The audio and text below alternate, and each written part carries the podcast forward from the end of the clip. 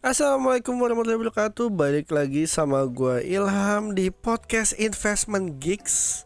Podcast anak muda yang berisi tentang berbagai macam info investasi Trading, entah saham, forex, kripto, P2P P2P belum pernah sih. Cuman ya kurang lebih seperti itulah. So uh, gimana kabarnya kalian? Semoga portofolionya aman aja. Tapi kalau gue lihat sih IHSG-nya sangat tidak aman. semangat ya semangat. Beberapa hari lalu atau beberapa minggu yang lalu bahkan gue gue udah udah udah udah ada forecast dan sempat sharing juga di Instagram di podcast juga deh kayaknya kalau nggak salah. Ada cari aja sendiri sebelum sebelum episode ini.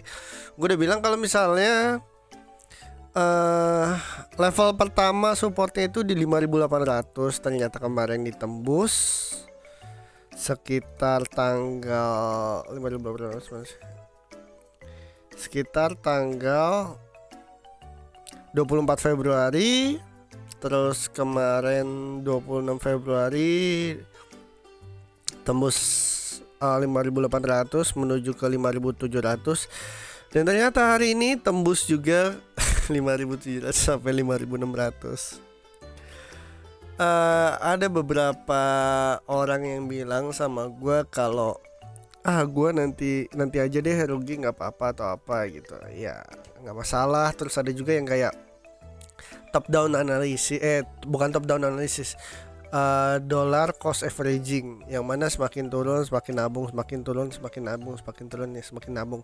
Ya ada plus minusnya tapi ntar bakalan gue bahas di belakang. So overview IHSG kali ini apa sih?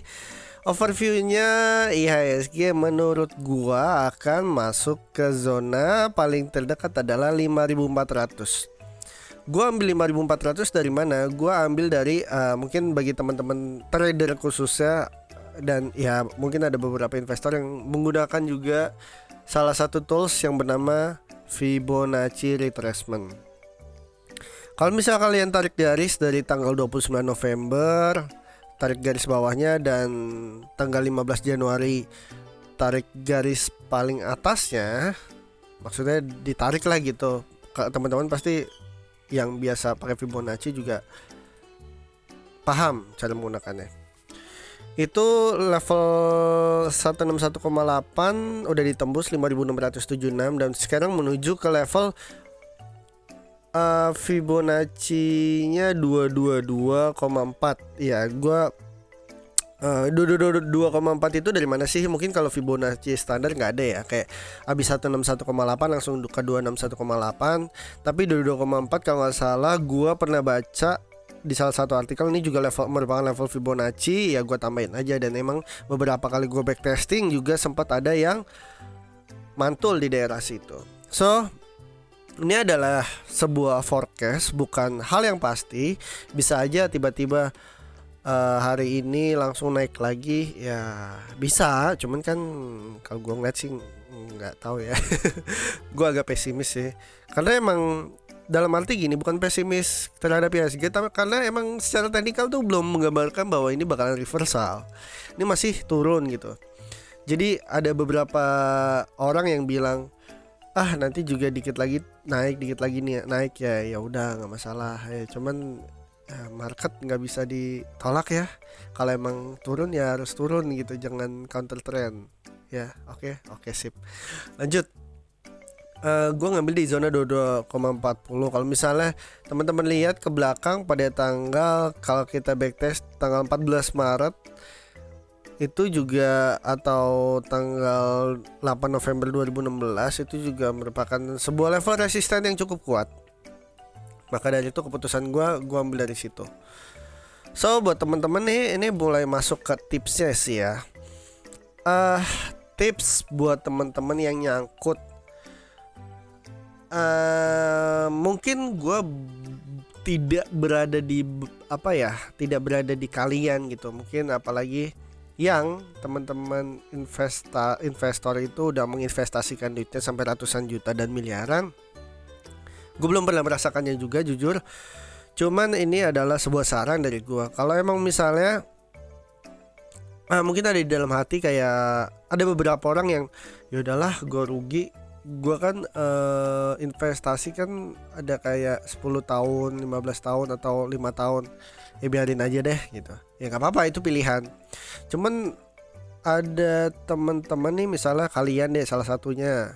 Kalian kayak gue pengen nih nggak rugi lagi cuman udah di atas 10% gimana? Gitu. Ada beberapa pilihan pilihan yang general yang yang yang apa ya yang apa namanya uh, banyak. Mungkin analis beberapa analis di luar sana juga menyarankan bahwa coba deh uh, dollar cost averaging yang mana semakin turun semakin ditabung lagi. Turun tabung lagi turun tabung lagi ya itu nggak masalah. Cuman gue agak kurang setuju karena prinsip gue pun bukan seperti itu. Terus uh, yang kedua adalah uh, dijual sedikit demi sedikit dalam arti gini misalnya teman-teman punya saham ABCD itu 10 lot.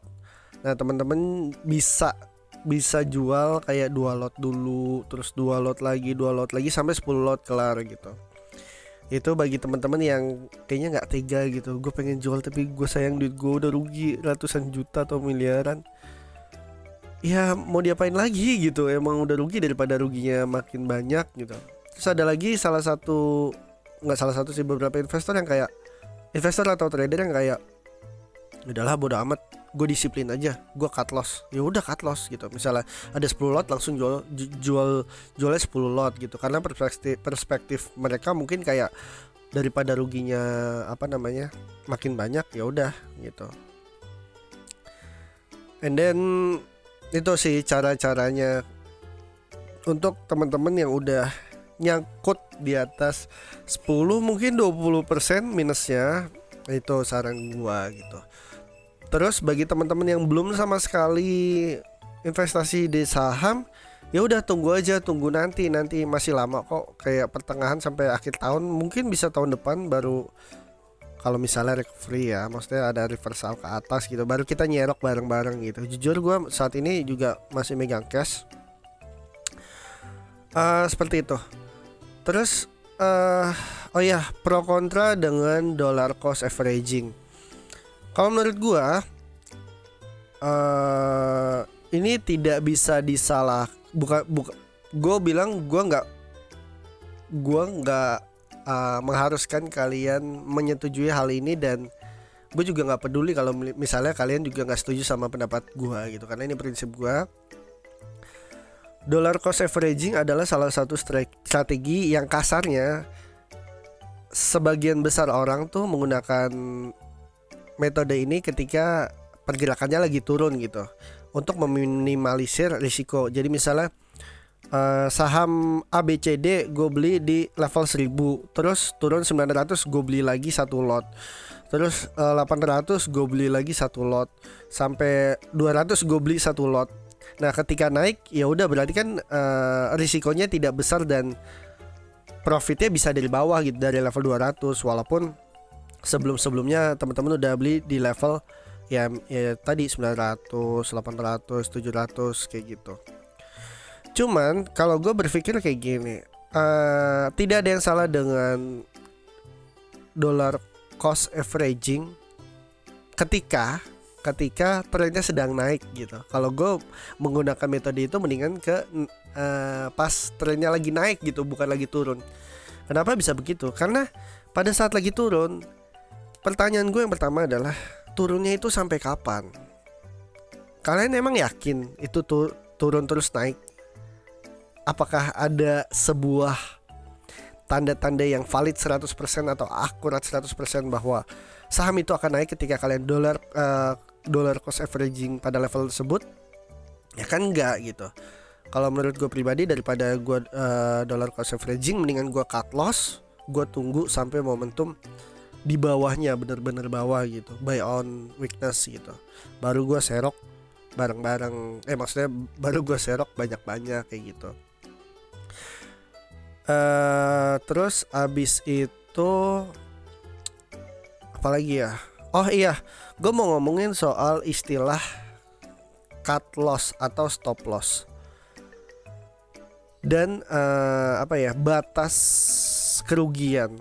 Gini deh, uh, stop loss ini itu itu bahasa, bahasa ini bah, terlalu bahasa teknikal namanya stop loss. Gue ganti dengan batas kerugian. Yang namanya investasi atau trading, apalagi trading itu nggak luput sama yang namanya kerugian. Apalagi kalau misalnya IHSG kayak gini, mungkin banyak sekali orang-orang di luar sana atau yang baru belajar saham untuk teman-teman kayak anjir gue mau belajar saham gue mau invest malah turun gitu. Gue harus ke mana? gitu. Batas kerugian ini setiap orang berbeda-beda. Misalnya gue pribadi kalau misalnya modal gue 100 ribu atau sejuta mungkin gue bisa batas kerugian gue sebesar 5% ya. Tapi ketika ada juga teman-teman yang uh, punya duit 100 juta tapi batas kerugiannya 5% gitu. Entah nominalnya berapa batasnya 5% gitu.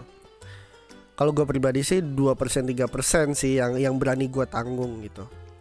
Gimana caranya apa namanya uh, membuat sebuah batas kerugian simpel lagi nih teman-teman tentuin dulu misalnya uh, secara logika 5% Nah, ketika harga sahamnya mulai turun nih, 2% aja. Terus teman-teman udah panik nih. Anjir, turun lagi, turun lagi. Nah, batas kerugian 5% itu teman-teman modifikasi. Jadi misalnya 3% gitu. Kalau misalnya 3% teman-teman rugi dan nggak mengganggu psikologi kalian, ya nggak masalah 3% aja. Tapi ketika baru 2% udah pusing. Apa mikirin rugi. Itu harus dimodifikasi sih. Jangan sampai batas kerugian itu mengganggu psikologi teman-teman semua.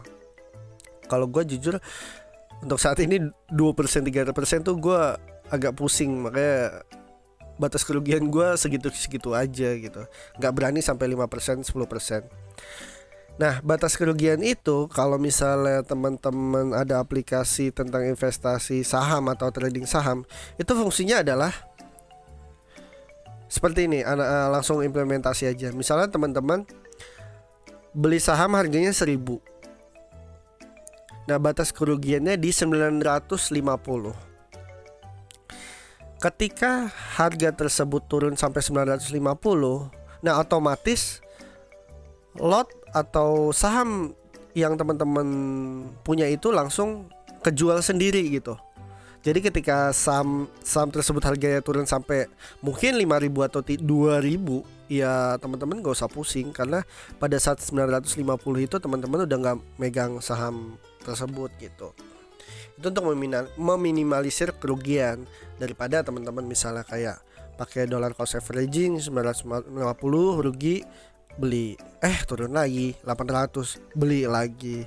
Eh turun lagi uh, ke bawah lagi beli lagi. Terus tiba-tiba sahamnya nol. Kan kita nggak pernah tahu. Itu sih. Itu uh, level stop loss semoga teman-teman bisa menangkap apa yang gue bicarakan. Kalau misal masih ada yang belum jelas teman-teman bisa nge-DM gue di Instagram @cerita ilham tentang mungkin istilah-istilah apa itu stop loss, apa itu cut loss, apa itu target eh, exit target atau target profit dan bagaimana caranya kita tahu oh ini udah kelar nih uh, downtrendnya gitu. Support resisten dan sebagainya macamnya teman-teman bisa gabung ke grup telegram kami juga di t.me slash investment gigs pakai z belakangnya. Kalau misal mau diskusi atau belajar analisis free itu di t.me slash in gigs room pakai z gigs z in gigs room. Atau khusus teman-teman yang pengen tahu update seputar saham-saham apa yang baik untuk dibeli teman-teman bisa masuk ke t.me slash stocks in gigs jadi stokesnya pakai s stocks in gigs tapi gigsnya pakai Z gitu. Emang saat ini belum ada sih rekomendasi rekomendasi saham karena gue menyarankan bahwa teman-teman yang pengen belajar baru atau pengen beli saham tar dulu deh gitu. Mungkin teman-teman bisa uh, lihat atau investasi ke SBN ya SBN apa SBR gitu yang punya obligasi negara atau ke obligasi uh, reksadana pendapatan tetap gitu. Jangan pernah nyentuh eh jangan pernah nyentuh jangan nyentuh dulu ya reksadana saham dan reksadana campuran gitu karena di dalamnya reksadana campuran juga ada reksadana saham. Saran gue ya di ke reksadana pendapatan tetap dulu selama 6 sampai 6 bulan sampai satu tahun overviewnya ya ISG mau ke 5400 dan kita lihat aja sampai kapan. Kalau misalnya nih kalau misalnya ISG mantul di 5400 itu juga akan nguji resisten lagi sih ke 5600an gitu. Kalau misalnya dia emang bakalan uptrend kembali ya alhamdulillah. Kalau enggak ya udahlah ya emang butuh istirahat kayaknya IHSG gitu semoga uh, apa namanya podcast gua kali ini bermanfaat jangan lupa share podcast ini ke teman-teman lainnya oke? Gue Ilham undur diri dulu. Wassalamualaikum warahmatullahi wabarakatuh. See ya.